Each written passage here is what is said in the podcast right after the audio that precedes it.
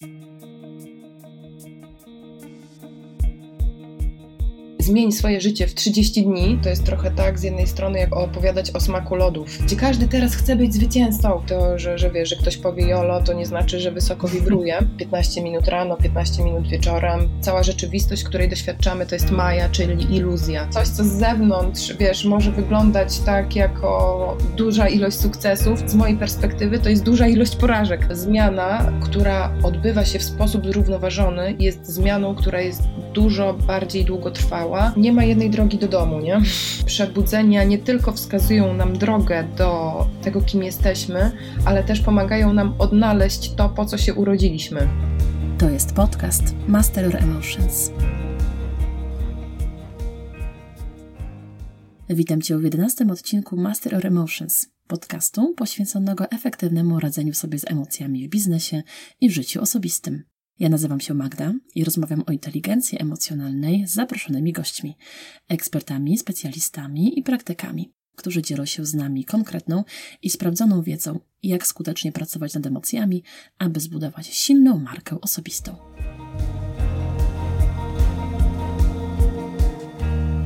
Witam Cię serdecznie w nowym roku i w nowym odcinku Master Your Emotions, Nowy rok to nie tylko czas postanowień, ale też czas głębokiej refleksji nad swoim życiem. Czy to, co robię, ma sens? Czy żyję w zgodzie ze sobą? Czy daję sobie wystarczająco dużo czasu na robienie rzeczy, które są dla mnie ważne? Czasem wydaje nam się, że tkwimy w jakimś dziwnym letargu, z którego trudno nam wybudzić się. Letargu, który trwa tygodnie, miesiące, a nawet lata. Czy pamiętamy moment, w którym wpadliśmy w ten letarg? Czy pamiętamy moment, w którym zdecydowaliśmy, że nasze życie i nasze własne potrzeby muszą poczekać, bo coś innego jest teraz ważniejsze? Jeśli tak, to jestem przekonana, że dzisiejszy odcinek może stać się inspiracją do wybudzenia się ze snu, w który zapadliśmy w dniu, kiedy przestaliśmy słuchać naszego wewnętrznego głosu. Dzisiejszy odcinek może stać się początkiem drogi do przebudzenia, która jest nieodłączną częścią świadomego i pełnego uważności życia. Dzisiejszy odcinek może obudzić w Tobie pragnienie, żeby Twoje życie przestało być życiem innych ludzi, a stało się cudem do odkrycia. W drodze do zrozumienia, czym jest przebudzenie i jak bardzo pomaga nam nabrać wiatru w skrzydła, będzie nam towarzyszyć dzisiaj Paulina Kulikowska, psycholog, certyfikowana nauczycielka jogi oraz terapeutka Spa and Wellness. Paulina zajmuje się pracą z przybudzeniem wewnętrznym i z urzeczywistnianiem potencjałów. Pasjonuje ją życie pełnią życia, wydobywanie kreatywności i dzielenie się pozytywnymi wibracjami z innymi. Paulina jest założycielką Healing Institute, szkoły integrującej różne techniki pracy z ciałem, emocjami i świadomością. W dzisiejszym odcinku porozmawiamy o tym, Dlaczego wzbraniamy się przed przebudzeniem i tkwimy w stanie uśpionego umysłu? Co zrobić, jeśli czujemy się niezadowoleni ze swojego życia? Jak uwolnić się z własnych ograniczeń, aby poczuć głębokie spełnienie? I jak stać się osobą świadomą siebie i własnych potrzeb? Bardzo serdecznie dziękuję za polubienie strony podcastu Master Your Emotions na Facebooku, Instagramie, Spotify, iTunes i YouTube, a także zachęcam, aby zapisać się do newslettera, dzięki czemu możesz być na bieżąco ze wszystkimi aktualnościami oraz nowymi odcinkami. Chętnie też dowiem się, z jakimi trudnościami zmagasz się w swoim życiu i jak wygląda Twoja droga do przebudzenia, Podziel się swoim doświadczeniem lub swoimi sprawdzonymi metodami na to, jak żyć w pełnej świadomości siebie i w zgodzie z samym sobą. Dziękuję za Twój czas i za Twoją uwagę oraz życzę miłego słuchania.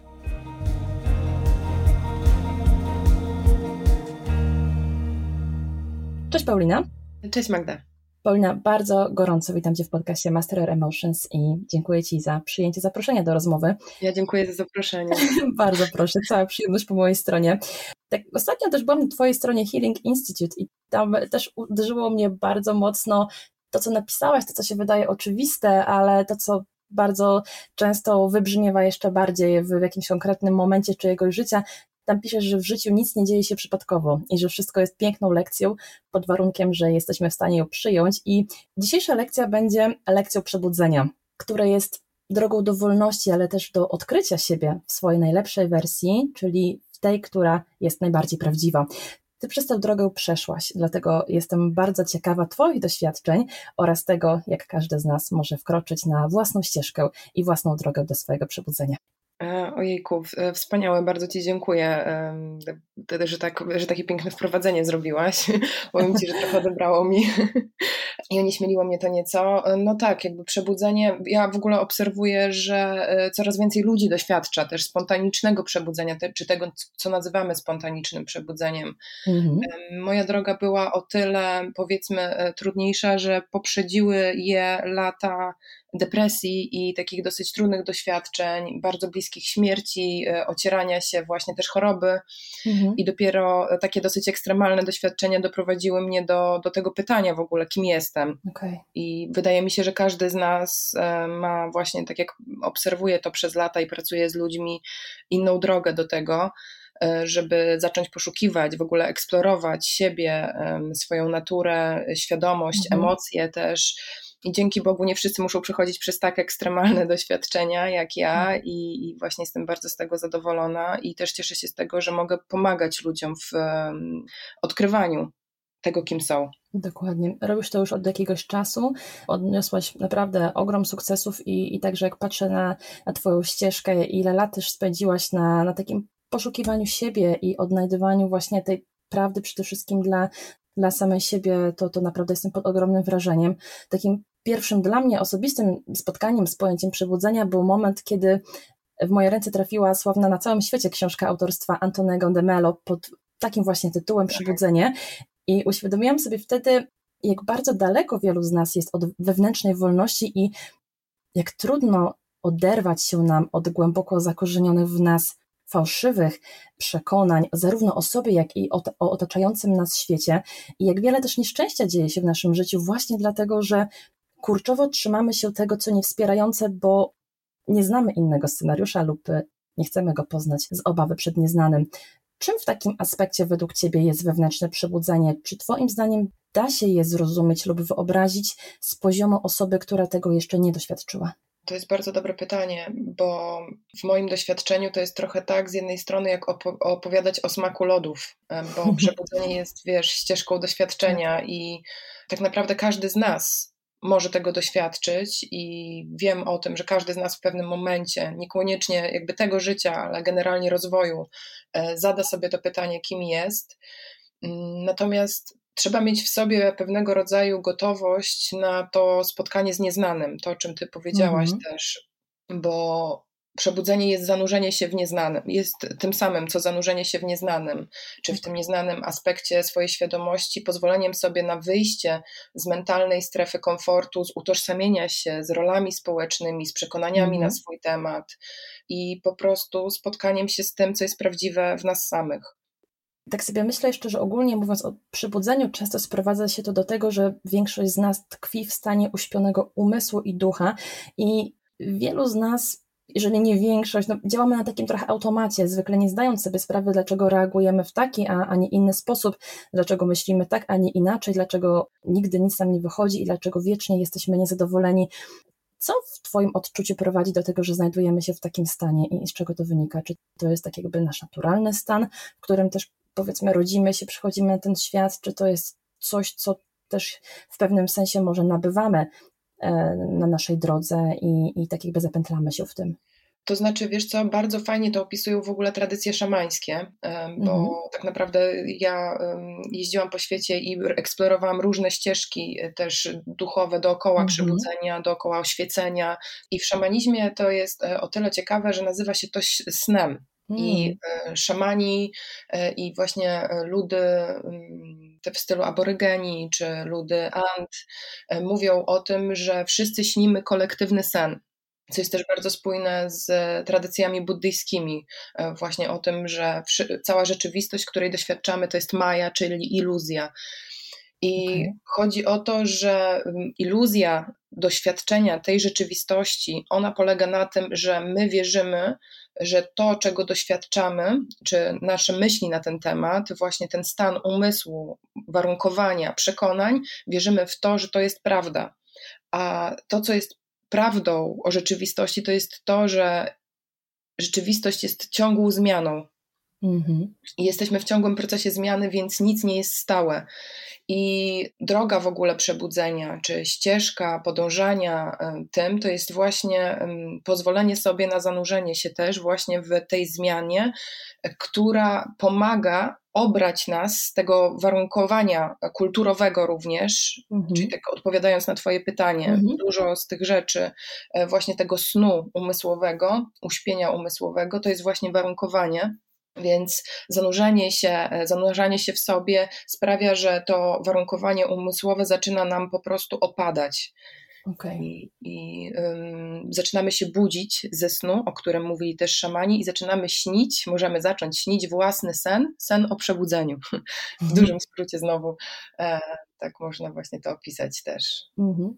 Tak, przebudzenie na pierwszy rzut oka wydaje się czymś takim, takim jakimś specjalnym stopniem wtajemniczenia dla osób, które być może bardzo są rozwinięte już samoświadomościowo lub osiągnęły pewien stopień właśnie swojego rozwoju osobistego, ale tak jak sobie myślę jeszcze, tak bardziej ogólnie nad tym wszystkim, to praktycznie każdy z nas w którymś momencie swojego życia doświadcza szansę na przebudzenie i tak jak też wspomniałaś, często dzieje się to w dość trudnych i bolesnych momentach, gdy coś lub kogoś tracimy, gdy jakieś ważne dla nas przedsięwzięcie legło w gruzach, gdy, gdy przychodzi choroba. Dla mnie na przykład właśnie ostatnio takim momentem przebudzenia było odejście mojej babci, z którą bardzo mocno byłam związana i, i to mi uświadomiło, jak ważne jest to, żeby żyć teraźniejszością, zamiast nieustannie rozmyślać nad przyszłością lub zostawiać wszystko na później. Z tym, że czasem takie przebudzenia trwają bardzo krótko i szybko znów wpadamy z powrotem w wir dotychczasowych zmartwień, albo czasem boimy się wejść głębiej w ten nowo odkryty wymiar życia, bo wydaje nam się, że będzie to wymagało wielu zmian i rezygnacji ze strefy komfortu, do której przyzwyczailiśmy się w toku naszego życia. Powiedz mi tak z Twojego doświadczenia, jakie najczęstsze lęki i opory zauważyłaś u osób, które wzbraniają się przed przebudzeniem i czy Twoim zdaniem robią to intencjonalnie, czy być może nieświadomie? E, okej. Okay. Wiesz co, po pierwsze przykro mi bardzo z powodu twojej babci, bo tak właśnie tak jak mówię, ja, ja, też z takiego założenia wychodzę, że wszystko dzieje się po coś, więc mm-hmm. w kontekście two, twojej relacji z nią i tego, co ci dało jej przejście, jej śmierć, no to właśnie widzisz jakby odkrycie większej głębi jeszcze w tu i teraz, tak? Nie odkładanie rzeczy na później, więc jest też dar który płynie z trudnych doświadczeń. No ale to, to ty musiałaś mieć też dojrzałość taką w sobie, żeby zacząć szukać sensu w tym doświadczeniu, nie? Mhm.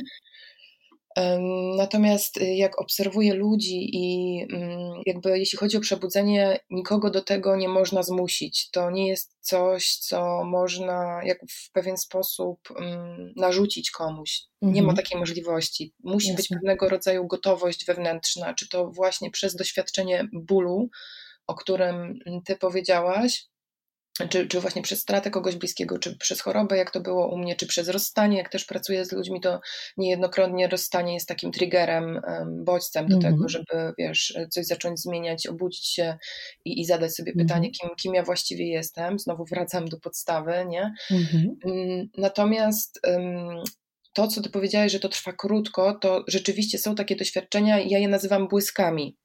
Tak. Bo to są takie po prostu błyski jasności, świadomości, nie? które pojawiają się w naszym życiu i to jest okazja, to jest zaproszenie do tego, żeby wejść w to.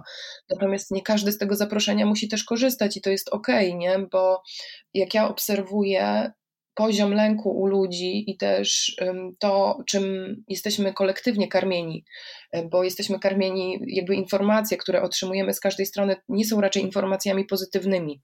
Mhm. Więc one zasilają nasze lęki.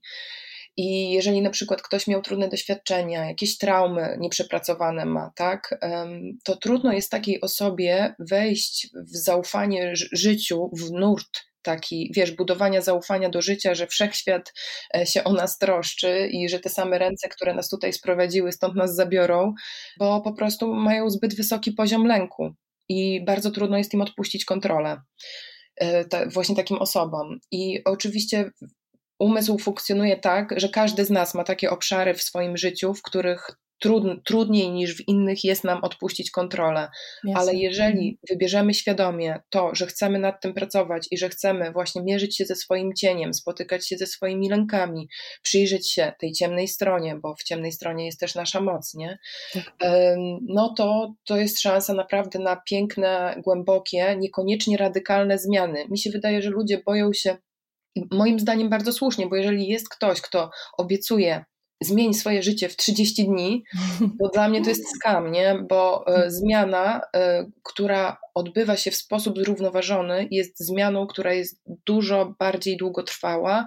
Wypracowa samo wypracowanie nowych ścieżek neuronowych zajmuje jakiś czas i zintegrowanie później tej zmiany, w, tak wiesz, w kontekście nawyków, zmiany nie tylko przekonań, ale sposobu komunikacji również. Jasne to to jest mhm. praca. To to nie jest coś, co wiesz. Um, ja znam dużo ludzi, którzy wiesz, mieli mega super fajne, mistyczne doświadczenia, um, jakieś ceremonie przeżywali i tak dalej, a cały czas nie odrabiają swojej pracy domowej. Wiesz, basicu, jakiegoś takiego psychologicznego, też właśnie emocjonalnego i więc jakby dla mnie przebudzenie nie jest gwarancją niczego też z drugiej strony, czy mistyczne doświadczenie, nie? Jasne. Ale też bardzo fajnie powiedziałaś, że wychodzenie z tych trudnych doświadczeń i, i zdążenie ku przebudzeniu to jest właśnie ta otwartość na, na ten strumień życia, który jest nam oferowany przez wszechświat i, i taką kontrtendencją właśnie jest w przypadku takich trudnych sytuacji zamykanie się w swoim świecie, w takich przysłowiowych czterech ścianach i takie złudne przekonanie, że tam właśnie będzie bezpieczniej, że tam już nic złego nas nie dotknie.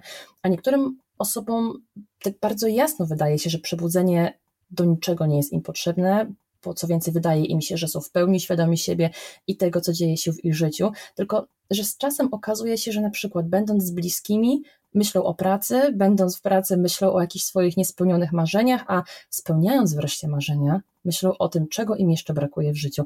I bardzo spodobało mi się powiedzenie, e, że ścieżka życia może być brukowana lub błotnista, ale wystarczy, że założymy odpowiednie buty buty uważności jak takie buty możemy znaleźć i założyć w naszym w codziennym życiu? Czy przebudzenie sprawia, że automatycznie stajemy się uważni na otaczającą nas rzeczywistość, czy to jest kolejny etap wtajemniczenia? To znaczy, bo to zależy o jakim rodzaju przebudzenia też mówimy, bo mamy mhm. poziomy. Um, oczywiście one nie są jakby rzeczywiste, ale mówimy o tak. poziomach tak. też stabilności mhm. przebudzenia. Jeżeli mówimy o takim stuprocentowym, pełnym przebudzeniu, które w moim doświadczeniu jest bardzo, bardzo, bardzo rzadko spotykane, no to mhm. wtedy nie musimy robić nic, bo wszystko z automatu jesteśmy tak osadzeni w tu i teraz, że nie reagujemy na żadne emocje, na żadne myśli, które się pojawiają, też na to, w jaki sposób inni nas na przykład traktują, nie mamy takich mhm. mega impulsywnych reakcji.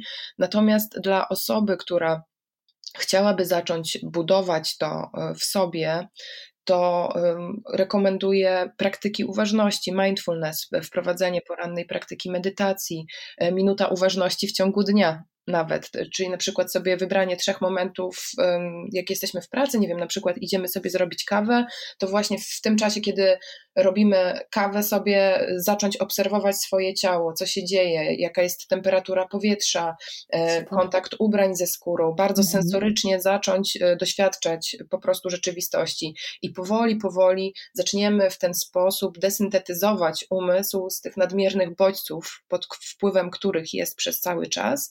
I e, w rezultacie zaczniemy być bardziej obecni tu i teraz, mniej reaktywni, będziemy mieli więcej spokoju, no i e, też nasza komunikacja, nie oszukujmy się, bardzo, bardzo znowu wracam do komunikacji, ale ona zaczyna się zmieniać.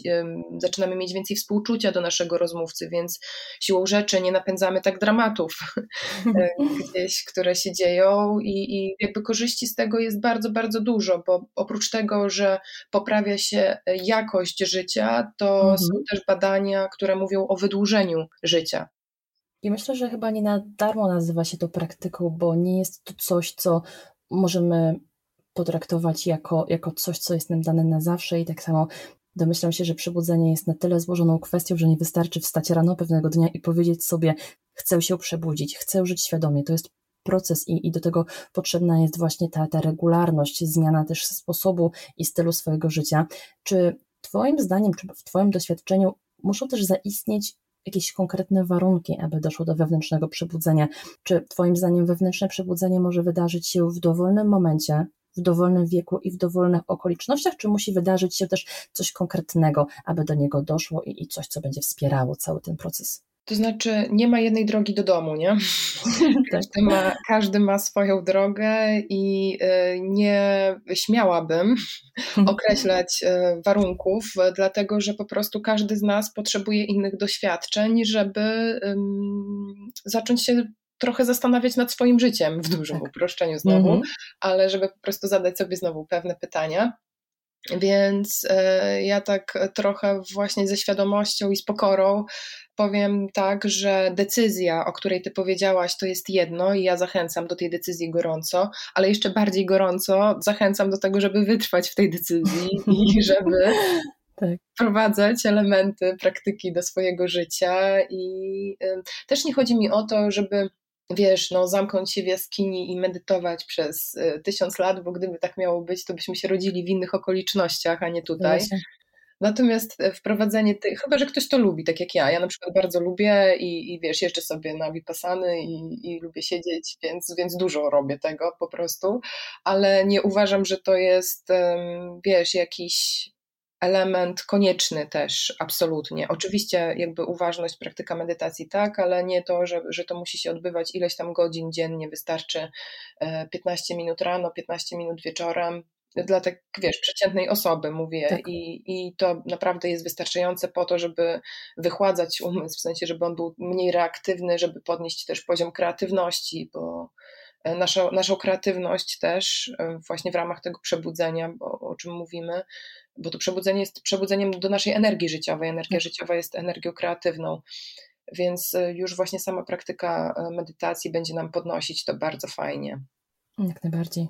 No i właśnie myślę, że ważnym krokiem do przebudzenia wewnętrznego jest, tak jak też powiedziałaś, skupienie się na tym, co dzieje się w naszym wnętrzu i ograniczenie wpływów zewnętrznych na pracę, którą wykonujemy z samym sobą w zaciszu tego wnętrza i czy to będzie miało miejsce, e, tak jak powiedziałaś, w perspektywie tych 15 minut dziennie, czy ktoś na przykład poczuje gotowość do tego, żeby zamknąć się w tej przysłowiowej jaskini i pomedytować nad swoim życiem dłużej, no to jednocześnie wymaga to w pewnym sensie, żeby przynajmniej na chwilę odciąć się od tych e, zewnętrznych bodźców, które mogą mhm. rozproszyć naszą uwagę. Wspomniałeś w jednym ze swoich wpisów, że aby stać się mniej podatnym na, na te zewnętrzne wpływy, warto skupić się na pracy z aurą, czyli naszym polem elektromagnetycznym. Na czym polega ta praca? E, to znaczy tak, e, aura na poziomie fizjologicznym, bo wszystko, co jest energetyczne, jest też, ma swoje odzwierciedlenie fizjologiczne w ciele. Przynajmniej ja tak pracuję, nie? Mhm. Jakby takie, taka, tak, tak, po prostu takie mam rozpoznanie tej sytuacji. I na poziomie e, fizjologicznym aura jest związana z naszym układem odpornościowym, czyli też e, z układem limfatycznym. Więc e, na przykład w jodze mamy praktyki, które pobudzają pracę właśnie układu odpornościowego, mamy praktyki oddechowe, które budują naszą odporność energetyczną, no i też mamy praktyki medytacyjne, stricte, też wizualizacyjne, które pomagają nam właśnie w podniesieniu naszej świetlistości czy poziomu ciała świetlistego. No to jest o tyle piękne i wymagające, że z, w miarę, gdy budujemy swoją świetlistość, tak, czyli swoją aurę, mhm. E, powiększamy to pole energetyczne, to zaczynamy też e, być nieco bardziej wrażliwi energetycznie na wpływy z zewnątrz, czyli zaczynamy odczuwać na poziomie energetycznym, takim bardzo subtelnym, na przykład intencje innych ludzi wobec nas. Okej. Okay.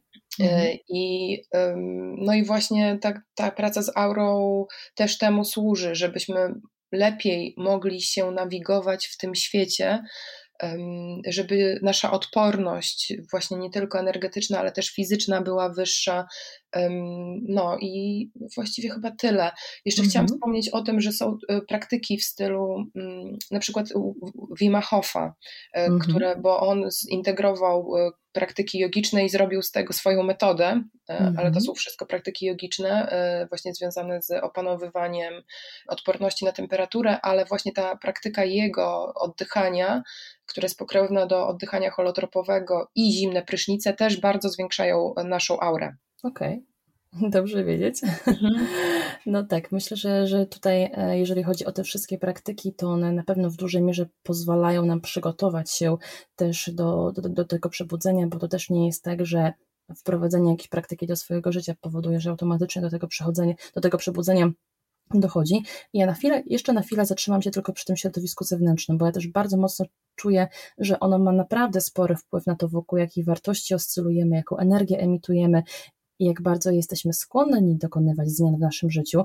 I powiedz mi proszę też z Twojego doświadczenia, czy uważasz, że wewnętrzne przebudzenie jest możliwe w środowisku osób, dla których to pojęcie jest dość abstrakcyjne, czy wymaga to tego, żeby się od niego odciąć i poszukać takiego środowiska, które wspiera nasz rozwój e, duchowy, czy taka forma wyzwolenia jest niezbędna? I co jeśli na przykład załóżmy nasza rodzina nie rozumie takiego podejścia, a my całym sobą pragniemy takiej zmiany i transformacji duchowej. Mm, piękne pytanie. E, wiesz co, już jakby z tego punktu dzisiaj mogę Ci powiedzieć, że to nie jest konieczne. Okay żeby się oddzielać, ale ja ci to mówię teraz. E, tak. A pamiętam, wiesz, jak przechodziłam przez te wszystkie sytuacje, to potrzebowałam się nieco odciąć, dlatego że gdy przepracowywałam kwestie, które były mocno związane z lękami, na przykład też traumy rodowe, to miałam mhm. bardzo dużo triggerów, które płynęły z domu i bardzo trudno mi było oddzielić to, co jest tu i teraz rzeczywiście wiesz, sytuacją, która była mm -hmm. na mhm. przykład naruszająca w jakiś sposób, czy emocjonalnie, czy intelektualnie, od tego, czy, czy to jest jeszcze reakcja z przeszłości, która jest nieprzepracowana. Mm -hmm. Więc oczywiście możemy to zrobić, wejść w drogę przebudzenia wewnętrznego. Ja bym też nie rekomendowała w ogóle oddzielania się od rodziny. Jeżeli chcemy poszerzać swoje grono środowiskowe, to jak najbardziej rekomenduję podróże, wiesz, jakby takie retreaty, wchodzenie, ale mhm. cały czas wracanie do tego, skąd jesteśmy, bo z tego, skąd jesteśmy, płynie największa lekcja naszego rozwoju. My też nie bez powodu rodzimy się w tych rodzinach, w których się rodzimy. Mhm. Znowu wracam do tego, bo po prostu z rodzin mamy najwięcej lekcji też o mhm. przebudzeniu, czy najwięcej potencjału takiego przebudzeniowego, właśnie przez triggery różnego rodzaju, które mamy i emocjonalne związki. Jest jeszcze jedno ryzyko, o którym chciałam wspomnieć, bo Chodzi o to, że przebudzenie przebudzeniu nierówne i jest bardzo dużo e, tego typu sytuacji właśnie w, nie tylko w Polsce, ale w ogóle na całym świecie, nadużyć. E, ludzie, którzy wiesz, podają się za wielkich duchowych nauczycieli, a tak naprawdę zakładają e, jakieś odłamy religijne swoje. Mhm. Ja się teraz uśmiecham do tego, nie? ale miałam sama takie mhm. doświadczenie na początku tak. swojej drogi i znowu wychodzę z takiego założenia, że ok, to było mi potrzebne doświadczenie, bo wiem teraz, jak nie pracować, e, ale z drugiej strony, i czego nie tworzyć, jakiego rodzaju mhm. zależności nie tworzyć, tak. nie? Ale z drugiej strony myślę sobie, że skoro nie, nie każdy mogę kogoś ostrzec przed tym, mhm to to zrobię, bo Jasne. Wiesz, no taka jest też moja prawda i takie jest moje doświadczenie, więc dlatego mówię też, że nie warto jest się oddzielać od rodziny, bo rodzina też potrafi nas bardzo fajnie uziemić w tym procesie, nawet gdy spotkamy właśnie kogoś, kto tam na przykład by, by chciałby jakiegoś nadużycia, czy finansowego, czy w mhm. innej formie, to, to rodzina bardzo fajnie potrafi to czasami e, z szacunkiem mhm. uziemić. Ja na przykład e, mam tak teraz, że u mnie w rodzinie absolutnie nikt, nikt interesuje się duchowością szeroko rozumianą. Natomiast mamy tyle szacunku do siebie nawzajem, że po prostu szanujemy swoje światy i swoje doświadczenie rzeczywistości. I no, teraz jakby zupełnie inaczej widzę, że mój poziom świadomości i akceptacji tego, że ja też nie próbuję już nikogo z mojej rodziny, bo na początku próbowałam ich nawrócić w cudzysłowie, że ja nikogo nie próbuję nawracać, tylko po prostu pracuję nad sobą, jestem dużo mniej reaktywna, jakby mm, zupełnie inaczej rozmawiam z nimi. Widzę, że to też ich zmienia i to zmienia dynamikę całego systemu. Więc rekomenduję to po prostu takie właśnie podejście z szacunkiem do tego, skąd się jest. Słuchacie podcastu Master Your Emotions.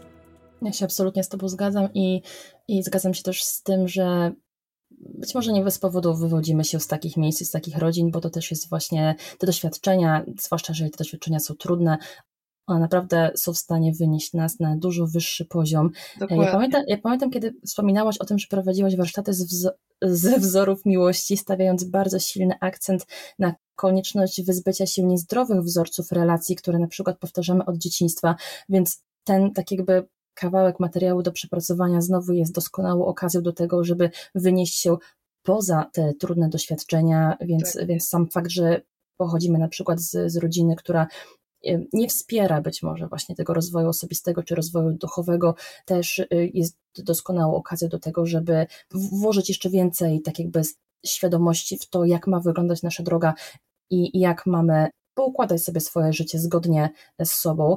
Mówisz też o tym na przykład, że żeby wyzwolić się z tego, co nas ogranicza właśnie z tych trudnych doświadczeń, z trudnych przeżyć, musimy wskoczyć na wyższy poziom wibracji energetycznych do tego potrzebna jest nam silna wola, więc też wspominałaś, że warto rano um, praktykować czy to silną wolę, czy, czy uważność, czy medytację, a, ale czasem na przykład nasze wibracje też są zdominowane przez coś, co jest nieprzepracowane i coś, co ciągniemy za sobą jak, jak, jak plecak, jak bagaż e, przez całe życie. To są jakieś nieprzepracowane traumy, niewybaczone krzywdy, niezamknięte sprawy.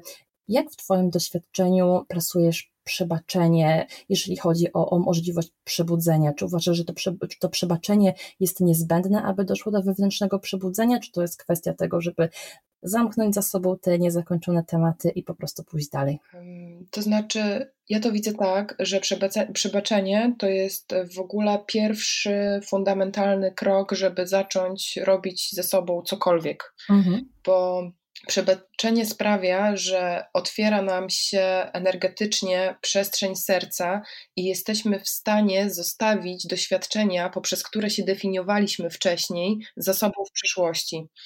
I ja nie mówię zapomnieć, bo przebaczyć to też nie znaczy zapomnieć. I tak jak ty powiedziałaś, że y, nawet jak jest taka sytuacja, że rodzina nie wspiera naszego rozwoju gdzieś, e, w tym miejscu y, takiego bólu, braku mhm. wsparcia, też jest nasza moc, bo tak jak powiedziałaś, zaczynamy się po prostu przyglądać temu obszarowi, nie? I y, przyglądając się temu obszarowi, zaczynamy rozumieć prawdziwe obszary, w których rzeczywiście potrzebujemy wsparcia od innych, Mhm. Czyli świadomie zaczynamy decydować i dysponować swoją energią i uwagą na obszary, w których rzeczywiście potrzebujemy wsparcia innych, a gdzie mhm. jest tu jeszcze deficyt z dzieciństwa, e, z jakiegoś doświadczenia, gdzie potrzebowaliśmy, żeby był ktoś blisko nas, a tej osoby nie było, nie? Także ja to widzę tak, że y, przebaczyć, y, to znowu wracam do tego, że, że to nie znaczy zapomnieć, ale przebaczyć to, to znaczy też y, po prostu przyjąć że rzeczy były takie, jakie były, że przebaczyć, to zrozumieć, mhm. że wszyscy jesteśmy ludźmi, wszyscy popełniamy błędy też i mm, nawet jeżeli ktoś świadomie nam wyrządza krzywdę, co się dzieje, bo zdarza się, tak. zdarzają się takie mhm. sytuacje, że ludzie robią sobie krzywdę nawzajem świadomie, to ja gdzieś wewnętrznie mam takie zrozumienie i rozpoznanie, i do tego też zachęcam osoby, z którymi pracuję, żeby rozpoznały to, że nikt, kto wewnętrznie nie jest bardzo, bardzo zraniony, nie ma świadomego imperatywu do tego, żeby krzywdzić innych ludzi. Mhm tam musi być bardzo duża krzywda w tej czy w innej formie, bo mówimy też na przykład, teraz mi się pojawia, nie wiem, na przykład taka kwestia psychopatii albo socjopatii, mm -hmm. nie? E, natomiast, bo to tu już mózgowe są zmiany, ale e, patrząc z poziomu energetycznego i karmicznego, to takie osoby mają no po prostu bardzo ciężką karmę i trzeba patrzeć na to ze współczuciem głębokim. Oczywiście. Są różne historie, jedni są mocniej, drudzy mniej zakorzenieni w, tym, w tych traumach lub w tych nieprzepracowanych wydarzeniach. I to, co bardzo mnie poruszyło, to też praktyki, które proponujesz, które mogą pomóc e, właśnie w przepracowaniu takich, e, takich trudnych tematów, praktyka Ho'oponopono, która w swojej prostocie może okazać się niezwykle skuteczna, ale bardzo poruszyła mnie też jedna z medytacji, które proponujesz, a mianowicie medytacja z mantrą Ma, czyli dźwiękiem, który wydaje dziecko wzywając matkę i jest to medytacja współczucia i ochrony. Jak te medytacje lub też inne formy medytacji są wspierające w procesie wewnętrznego przebudzenia? Co tak naprawdę nam dają, co tak naprawdę zmieniają w naszym życiu i w tym procesie? E, to mm, właśnie może jeszcze wrócę teraz do tej kwestii wibracji, o której mówiłaś, mm -hmm. o podnoszeniu swojej wibracji, bo teraz to jest takie bardzo modne stwierdzenie, nie? Też mm -hmm. i mhm. mnie to tak trochę triggeruje, bo to nie jest takie proste, jak brzmi. No tak. E, I to, że, że wiesz, że ktoś powie jolo, to nie znaczy, że wysoko wibruje. Jasne. to, ja to widzę tak, że medytacje, wszelkiego rodzaju praktyki, każda medytacja ma nieco inny efekt, czy forma medytacji, tak? Bo mamy medytację z mantrą, mamy medytacje oddechowe, mamy medytacje prowadzone, e, nidry, mamy e, właśnie taką medytację jak właśnie Hoponopono ja traktuję jako formę medytacji. Mhm. I każda z tych form medytacji ma nieco inny efekt na nasz układ nerwowy. Generalnie, mhm. jeżeli mówimy o medytacji, która pracuje z dźwiękiem i z oddechem, to tutaj pracujemy właśnie z wibracją, bo dźwięk to jest wibracja. Pracujemy z wibracją bezpośrednio, ale z drugiej strony też wykorzystujemy coś takiego, co się nazywa punktami energetycznymi, e, które znajdują się na naszym podniebieniu.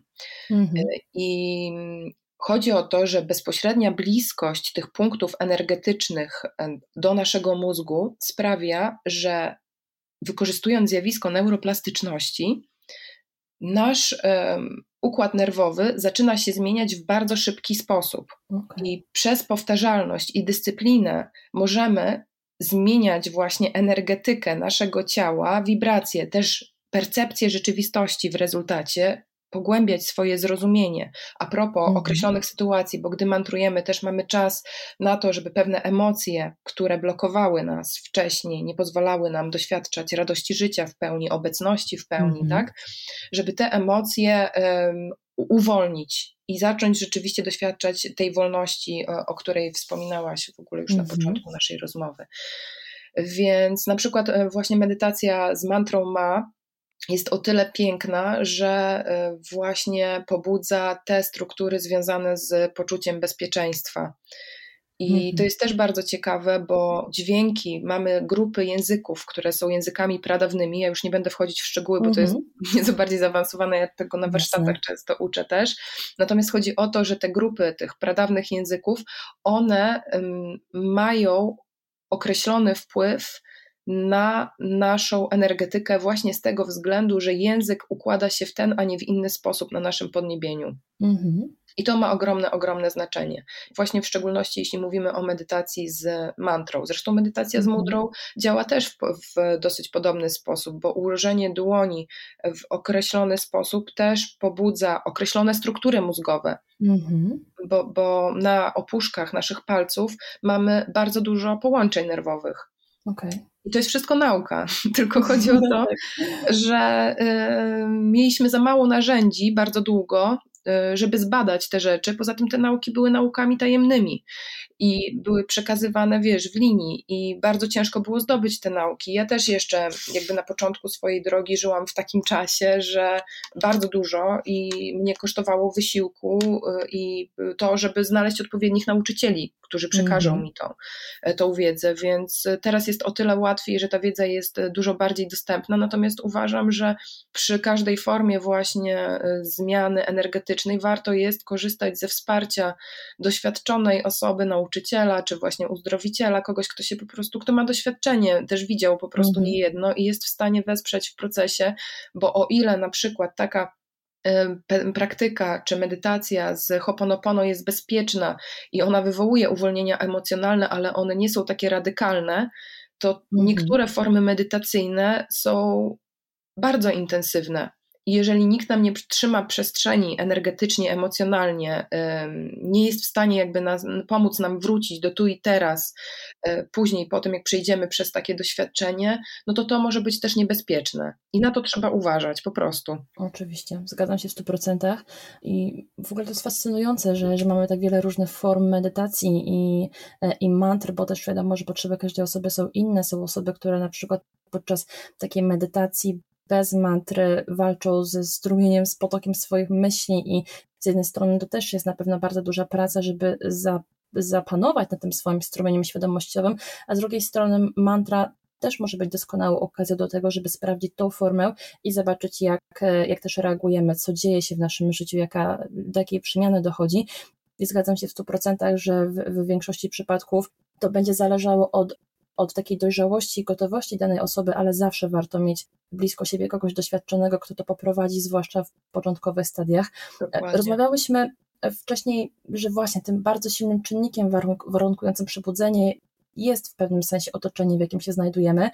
I rozmawiałyśmy o tym, że z jednej strony to są ludzie, z którymi wchodzimy codziennie w interakcję, nasza rodzina, ale tak myślę sobie, że także przedmioty i rzeczy, którymi się otaczamy, otaczamy również y, potrafią przytłoczyć, też taka tak potrzeba jest. i gromadzenia. E, bardzo popularnym, modnym pojęciem jest teraz właśnie minimalizm, wracanie do, do tej całej idei e, redukowania też tego, czego tak naprawdę nie potrzebujemy i, i skupienia się na tym, czego potrzebujemy. Jak w Twoim doświadczeniu minimalizm pomaga nam w zachowaniu wewnętrznej równowagi i czy Twoim zdaniem ułatwia też w pewnym sensie wewnętrzne przebudzenie? To znaczy i tak i nie. E, mhm. Ja też chcę być integralna w tym, jaka jestem i też mhm. w tym, czego uczę. I od czasu, kiedy napisałam post na temat minimalizmu, e, nazbierałam dużo więcej rzeczy i właśnie teraz zaczynam proces selekcji znowu. Okay. E, dlatego, że my mamy kolektywnie nawyk, znowu kolektywnie, no po prostu jest taki nawyk umysłowy też do gromadzenia rzeczy, gromadzenia wspomnień. I gdzieś bardzo bliska mojemu sercu jest idea, że nasza przestrzeń jest odzwierciedleniem e, naszego wnętrza. Mhm. I jeżeli nasza przestrzeń wewnętrzna jest e, uporządkowana, to ta zewnętrzna będzie tego odbiciem i e, siłą rzeczy, wszystkie te rzeczy, które, przedmioty, które nas otaczają, które wywołują nasze emocje, które trzymamy właśnie na przykład z sentymentu mhm. mniejszego lub większego, sprawia, że umysł zaczyna być rozproszony po prostu. Mhm. I dużo łatwiej jest utrzymać koncentrację umysłu w przestrzeni, która nie jest obciążona tak bardzo e, bagażem, e, jakiegoś rodzaju bagażem emocjonalnym. Ja nie mówię tutaj, żeby pozbywać się cennych pamiątek rodowych i tak dalej, bo wiadomo, że każdy sobie tworzy swój dom i swoją przestrzeń według swojego uznania i nie będę nikomu mówiła, jak to ma robić. Natomiast mhm. zachęcam do tego, żeby właśnie robić sobie regularnie takie takie czystki e, w domu z intencją oczyszczenia swojego umysłu bo to działa bardzo, bardzo fajnie i na pewno wspiera e, proces, e, tak jak mówię, czystość umysłowa wspiera e, to, że my jesteśmy tu i teraz, możemy być bardziej tu i teraz. W mhm. ogóle bardzo fajne pytanie. Dziękuję. No właśnie, poruszyliśmy kwestię z jednej strony wpływu innych ludzi, tak, na możliwość przebudzenia rozmawiałyśmy teraz o wpływie przedmiotów, którymi tak. się otaczamy, ale mówi się też przede wszystkim, że ciało to jest świątynia ducha i ty też bardzo często rekomendujesz i polecasz e, formy, różne formy oczyszczania ciała. Jak w twoim doświadczeniu to oczyszczanie ciała wspomaga przebudzenie wewnętrzne? To znaczy, może wróćmy znowu do tego środowiska, bo okay. mówiłaś o środowisku w kontekście ludzi, a środowisko tak. to nie tylko ludzie, to jest e, też e, powietrze, to no jest e, właśnie. też rodzaj mhm. pożywienia, jaki, jakim zasilamy nasz, właśnie nasze ciało. I są okresy w roku, kiedy, tak jak mówię, okresowo minimalizujemy przedmioty w domu, to mhm. okresowo jest też dobrze zminimalizować ilość spożywanego jedzenia i też właśnie zwrócić jakość na nie. Ja też nie chcę y, zachęcać y, nikogo do ortodoksyjnych głodówek, bo nie jestem mm-hmm. zwolenniczką tego. Natomiast y, okresowy post też dobrze zrobi, mm, też bym to rekomendowała jako taką praktykę. Natomiast generalnie chodzi o to, że praktyka powstrzymywania się od jedzenia czy spożywania określonych form pokarmów, żeby ciało zaczęło zużywać swoje zasoby, bo chodzi o to, że na przykład w tłuszczu też emocjonalnie są, e, emo, są emocje. Po mhm. prostu tłuszcz to są emocje i gdy dajemy sobie właśnie taką przestrzeń, żeby nieco tą ilość spożywanego tłuszczu zminimalizować i spalać to, co mamy nagromadzone, no to oczyszczamy się też emocjonalnie, oczyszczamy nasz umysł e, z nagromadzonych e, emocji, tak jak powiedziałam. Więc ta praktyka oczyszczania w dużej mierze jest właśnie taką praktyką też dla umysłu. Okay. To nie jest tylko praktyka do tego, żeby właśnie wydłużać, polepszać jakość życia, bo doświadczenie rzeczywistości i percepcji bardzo się zmienia, bardzo się umysł wycisza, jak Oczywiście. jest się na różnego rodzaju właśnie tego typu praktykach. Mhm. Natomiast to jest też narzędzie do zdyscyplinowania się do zdyscyplinowania gdzieś właśnie tego swojego e, wewnętrznego dziecka, do przyjrzenia mhm. się impulsywnym reakcjom, do emocjonalnego jedzenia. I gdzieś w dużej mierze też myślę, że warto jest wspomnieć o tym ogólnie, bo mało się o tym mówi. Nawet ludzie, którzy jedzą mało, generalnie często jedzą źle. W tym sensie żywność wysoko przetworzoną. My okej, okay, jesteśmy w stanie strawić to, ale genetycznie najwięcej czerpiemy z żywności, która jest nisko przetworzona. Mhm. Dlatego, że mamy wysoką zawartość składników odżywczych, y, dużą zawartość wody, to odżywia nasze komórki, no i siłą rzeczy odżywia nasz e, mózg i umysł. Dużo łatwiej jest doświadczać takiej przejrzystości, mm, obecności, bycia tu i teraz, gdy po prostu nic nas nie boli, chociaż ból mhm. też bywa, że sprowadza nas po prostu mm, do tu i teraz. E, ta, I gdy nie czujemy dyskomfortu związanego z jedzeniem. Dlatego mówię, że ja polecam takie oczyszczania. To jest super praktyka, właśnie nie tylko dla ciała, ale też dla umysłu i, i mega pomaga w takim wyciszeniu się, wyrównaniu, zsynchronizowaniu rytmu ciała z rytmem też na przykład pór roku, bo mhm. fajnie jest to przeprowadzać właśnie wiosną i na jesieni. To jest najlepszy czas. Świetnie, czyli akurat teraz właśnie zbliża się idealny czas do tak tego, jest. żeby pomyśleć o, o którejś z tych form oczyszczania i żeby też może przy okazji tej formy oczyszczania swojego ciała pomyśleć o oczyszczaniu przestrzeni lub też oczyszczaniu powiedzmy swojego otoczenia z toksycznych relacji. Bardzo fajnie, że spojrzałyśmy na to tak wielowymiarowo, bo, bo tak jakby ważne tematy no nigdy nie są jednowymiarowe i tak jakby też, żeby ten cały proces przeszedł w zdrowy, zharmonizowany sposób, warto zadbać o te różne aspekty swojego życia. E, bardzo tak przemówiła też do mnie czy przemówiło do mnie Twoje doświadczenie swojego pobytu w Indiach, bo tam też e, napis, tak jak napisałaś, zrozumiałaś, że możemy mieć wszystko, ale sami stawiamy sobie ograniczenia, ograniczenia dotyczące tego, co jest możliwe, a co nie jest. Więc w każdym z obszarów naszego życia tak naprawdę wszystko jest możliwe, jeżeli czujemy się otwarci na to, jeżeli jesteśmy gotowi do tej zmiany. Powiedz mi ze swojego doświadczenia, co tak naprawdę zmieniło u Ciebie w życiu przebudzenie? Czego doświadczyłaś, co odczułaś, co dobrego z tego wynikło bezpośrednio dla ciebie? To jest o tyle trudne pytanie, że to jest to, czym ja żyję. Więc okay. u mnie to zmieniło wszystko. Mhm. Kompletnie wszystko. Z jednej strony wszystko, a z drugiej strony nic. E, mhm. Na pewno wprowadziło dużo większą wdzięczność i e, mhm. radość życia. Mm, dużo większe zrozumienie a propos tego, kim jestem ja, ale też kim są ludzie, którzy mnie otaczają. Dużo większą świadomość relacji właśnie wprowadziło, mojej drogi, mm, mojego powołania, bo to też jest mhm. jedno z pytań, bo ja uważam, że prawdziwi nauczyciele przebudzenia nie tylko wskazują nam drogę do tego, kim jesteśmy, ale też pomagają nam odnaleźć to, po co się urodziliśmy mhm. gdzieś, jeżeli nie jesteśmy na tej drodze. A często przebudzenie wiąże się z tym, że zaczynamy łączyć się ze swoim przeznaczeniem, mhm. szeroko rozumianym. I właśnie do tego chciałam się teraz odnieść, czyli zrozumienie tego, kim jestem i tego, po co się urodziłam. To, I to mi dało przebudzenie. Świetnie. Przebudzenie to też nie jest tak jakby cel w sam w sobie, bo też domyślam się, że pomimo tego, że doświadczyłaś przebudzenia w swoim życiu, no to jest w dalszym ciągu droga i, i to przebudzenie nie jest też takim finalnym happy endem, który rozwiązuje wszystkie nasze problemy i wszystkie nasze trudy. Pojawiają się przeróżne kryzysy, zwątpienia i, i tak jakby potrzeba przezwyciężenia kolejnych trudności. Tak jest, bardzo, życie trwa. Życie dokładnie. I bardzo mi się podoba to określenie przechodzenie przez kryzysy zamiast przezwyciężanie kryzysów, bo bardzo mocno fokusujemy się na tym, przezwyciężaniu kryzysów. I to się kojarzy z czymś bardzo trudnym, bardzo wymagającym takiego wysiłku energetycznego, natomiast przechodzenie, e, prze, przechodzenie przez kryzysy to jest takie, takie bardzo płynne i takie bardzo wzbogacające I, i to brzmi dużo lżej, to mi się kojarzy z większą otwartością na doświadczenia związane z tym danym kryzysem, taką gotowość przyjęcia lekcji, jaka z niej płynie. Powiedz mi proszę, w jaki sposób ten zmieniający się punkt odniesienia wpływa na pracę ze swoją świadomością i w jaki sposób zmiana tego punktu odniesienia, tego spojrzenia nawet na ideę przechodzenia przez kryzysów lub przezwyciężenia kryzysów pomaga w, w tym, aby finalnie przechodzić przez kryzysy. Pięknie powiedziane w ogóle znowu. No, Magda, nieźle nasza percepcja warunkuje nasze doświadczenie rzeczywistości. Mhm. Więc czasami wystarczy że naprawdę przyjrzymy się jednemu słowu, które jest, dookoła którego budujemy nasze doświadczenie rzeczywistości i nasza rzeczywistość zaczyna się zmieniać.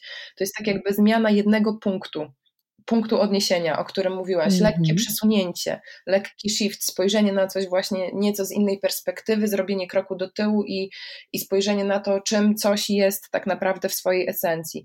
To zrozumienie z tym, że my przechodzimy przez kryzysy, że one są e, właśnie ubogacające, że one są okazją znowu do tego, żeby przyjrzeć się czemuś, żeby zrozumieć coś, że nie wszystko wiemy i że jest jeszcze dużo do odkrycia, no, daje nam e, taką większą pewność i większe zaufanie co do tego, co nas spotyka po prostu, nie?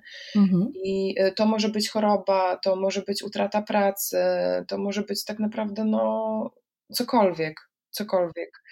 Ale to, jak my to wykorzystamy i czy właśnie damy sobie szansę na to, żeby nie mieć takich aspiracji też, żeby cały czas być zwycięzcą, bo my żyjemy w takim świecie też trochę konkurencyjnym, mm-hmm. czy nasza kultura jest też taka konkurencyjna, gdzie każdy teraz chce być zwycięzcą, każdy chce mm-hmm. teraz odnosić sukcesy. No wiadomo, no super, jest ekstra tak. być na szczycie.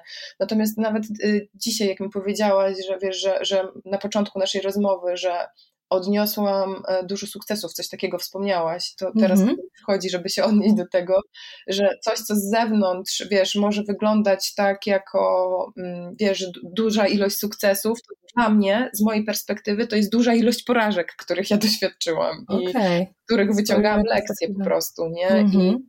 e, bardzo mi miło, że to jest tak postrzegane z zewnątrz jako sukces, natomiast ja to widzę jako drogę i tak też do, do, takiego spojrzenia na swoje życie bym zachęcała, bo wtedy też przestajemy się porównywać i wychodzimy właśnie z tego, z tej takiej potrzeby, wiesz, being on the top tak zwanego, nie? By, bycia na szczycie i um, pozwalamy sobie być sobą tak naprawdę w pełni I, i to uważam jest jakaś taka chyba największy sukces życiowy, jaki możemy sobie dać to, to po prostu jest być sobą. To bardzo pokrzepiające, co powiedziałaś, bo faktycznie zawsze z boku wydaje się, że, że ktoś odnosi sukcesy, że, że tak jakby bardzo świadomie wybiera swoją ścieżkę, że, yy, że że radzi sobie w wielu aspektach, ale faktycznie gdyby tak jakby, to, to jest ten, ten taki wierzchołek góry lodowej, który widzimy, ale to co jest pod, pod tym, pod wodą, prawda, to są lata też ciężkiej pracy, y, wysiłku, też wyrzeczeń, ale też, tak jak powiedziałaś, y, bardzo otwarcie i autentycznie, to są też często lata porażek, y, popełniania błędów i wyciągania z nich lekcji.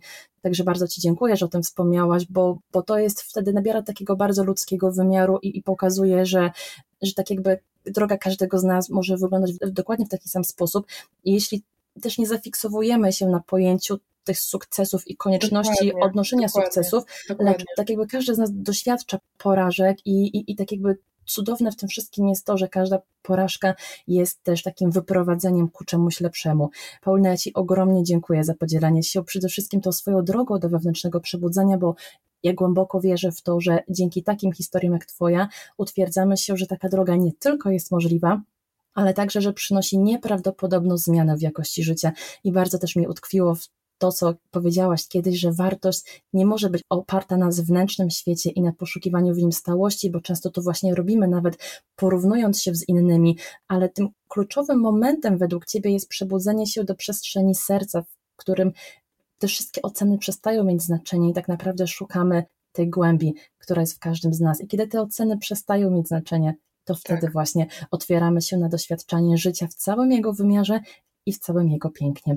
Gdybyśmy miały krótko podsumować to, o czym dzisiaj rozmawiałyśmy, jakie trzy kroki poleciłabyś osobom, które mają trudności z uważnym przeżywaniem swojego życia, które tkwią w swojej przeszłości lub przyszłości i szukają drogi wyjścia z ciemnego tunelu swoich trosk, zmartwień i obaw.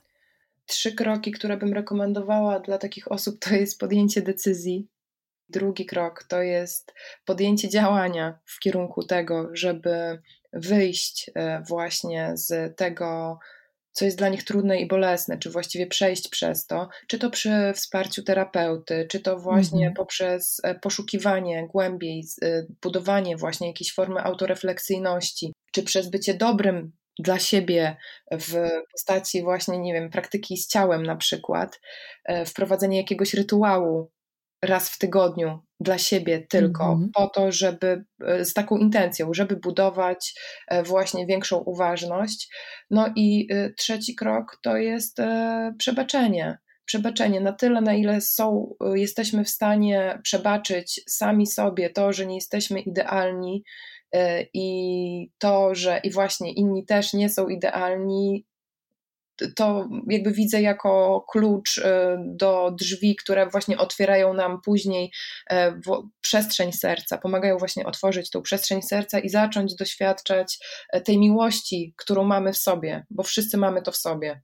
To nie jest coś wyjątkowego, czym, czym ja się tutaj dzielę z, z Magda i z Tobą i, i właśnie ze słuchaczami. Więc to są takie trzy kroki, które bym rekomendowała właśnie dla osoby, która jest początkująca, bym rekomendowała wsparcie, właśnie jakąś formę, formę terapeutyczną, ale też wytrwałość, bo na początku bywa tak, naprawdę mówię ze swojego doświadczenia, że bywa tak, że na początku tych efektów takiej pracy e, może być nie widać przez jakiś czas, ale to kliknie mhm. w pewnym momencie, okay. tylko trzeba wytrwać trzeba wytrwać. Więc e, nie można też oczekiwać, to jest tak jak z odchudzaniem trochę. To nie można tak. oczekiwać, że coś, co się nabudowywało przez lata, zniknie przez jedną noc. No to tak Jasne. nie działa, nie? To nie jest no, tak zabieg odsysania tłuszczu. No. E, ale styl, nawet przy zabiegu odsysania tłuszczu jest czas rekonwalescencji, więc jakby wszystko jest proces e, rozłożony w czasie. Dokładnie. Także to są moje jakieś tam rekomendacje, e, może nie jakieś tam takie sprawdzone z mhm. serca, z praktyki, z lat praktyki swojej i właśnie terapeutycznej z ludźmi. Bardzo też chciałam Magda Tobie podziękować za to zaproszenie i za możliwość podzielenia się. Mam nadzieję, że chociaż jedna osoba, e, właśnie taka jest moja intencja, że chociaż jednej mhm. osobie pomoże to i otworzyć oczy na siebie i na to, kim jest mhm. naprawdę. To ja Ci bardzo serdecznie dziękuję za dzisiejszą rozmowę oraz za podzielenie się tym wyjątkowym doświadczeniem w obszarze przebudzenia. Dla mnie była to ogromna przyjemność móc w pewnym sensie dotknąć na miastki tego, czym jest przebudzenie wewnętrzne i poznać Twoją drogę do osiągnięcia nowego wymiaru swojego życia. E, powiedz nam jeszcze na zakończenie, gdzie można znaleźć Cię w sieci, gdyby któryś ze słuchaczy chciał się z Tobą skontaktować, zapoznać się z treściami, które tworzysz lub na przykład skorzystać z Twoich autorskich warsztatów. To znaczy, ja w sumie w sieci jestem bardzo obecna na moim blogu astroszamankowym, astroszamanka.com. Dosyć regularnie właśnie robię publikacje, więc zachęcam do zapoznania się z tym. Jestem też na YouTubie pod tym samym nikiem, mm -hmm. a osoby, które chcą dowiedzieć się więcej nieco jakby o mojej drodze, o moich kompetencjach, Zapraszam na moją stronę paulinakulikowska.com i tam wypisuję to, co przeszłam, jakie praktyki przechodziłam i tak dalej, i tak dalej, więc można tam sobie wszystko zobaczyć. Jest jeszcze strona Instytutu i to jest e, zespół terapeutów właśnie, z którymi których wyszkoliłam i z którymi pracuję, i też prowadzę Akademię Uzdrawiania dla osób, które chcą się nauczyć metod, e, holistycznych metod pracy mm, z, ze świadomością, z umysłem, z ciałem, z emocjami. Mhm. I też zapraszam właśnie na stronę healinginstitute.eu. I to są wszystkie przestrzenie, w których działam cudownie, dużo wartościowych miejsc, dużo wartościowych treści, no przede wszystkim Ty z Twoim niesamowitym i wyjątkowym doświadczeniem bardzo serdecznie zapraszamy, a ja ze swojej strony życzę Ci wszystkiego dobrego na Twojej drodze oraz jeszcze więcej wspaniałych doświadczeń, Dziękujemy. którymi będziesz mogła później z nami się podzielić. Dziękuję, dziękuję, dziękuję wzajemnie, ja Tobie życzę e, super podcastów dalej, tak jak tworzysz, e, dziękuję mega, mega bardzo. sprawa, także dzięki serdeczne jeszcze raz. Dziękuję Ci serdecznie. Bardzo dziękuję Ci za wysłuchanie 11 odcinka podcastu Master Emotions. Jeśli podobała Ci się treść dzisiejszej rozmowy, możesz ją polubić, skomentować lub udostępnić na Facebooku i Instagramie. A jeśli wolisz wysłać mi wiadomość, możesz to zrobić na adres mailowy podcastmasteroremotions.gmail.com Mam nadzieję, że zasubskrybowałeś już kanał z nowymi odcinkami na Spotify, iTunes i YouTube, ale jeśli wolisz otrzymywać powiadomienia mailowe, zapisz się już dziś do newslettera, który znajdziesz na stronie www.masteremotions.pl. Dziękuję jeszcze raz za wspólnie spędzony czas i do usłyszenia.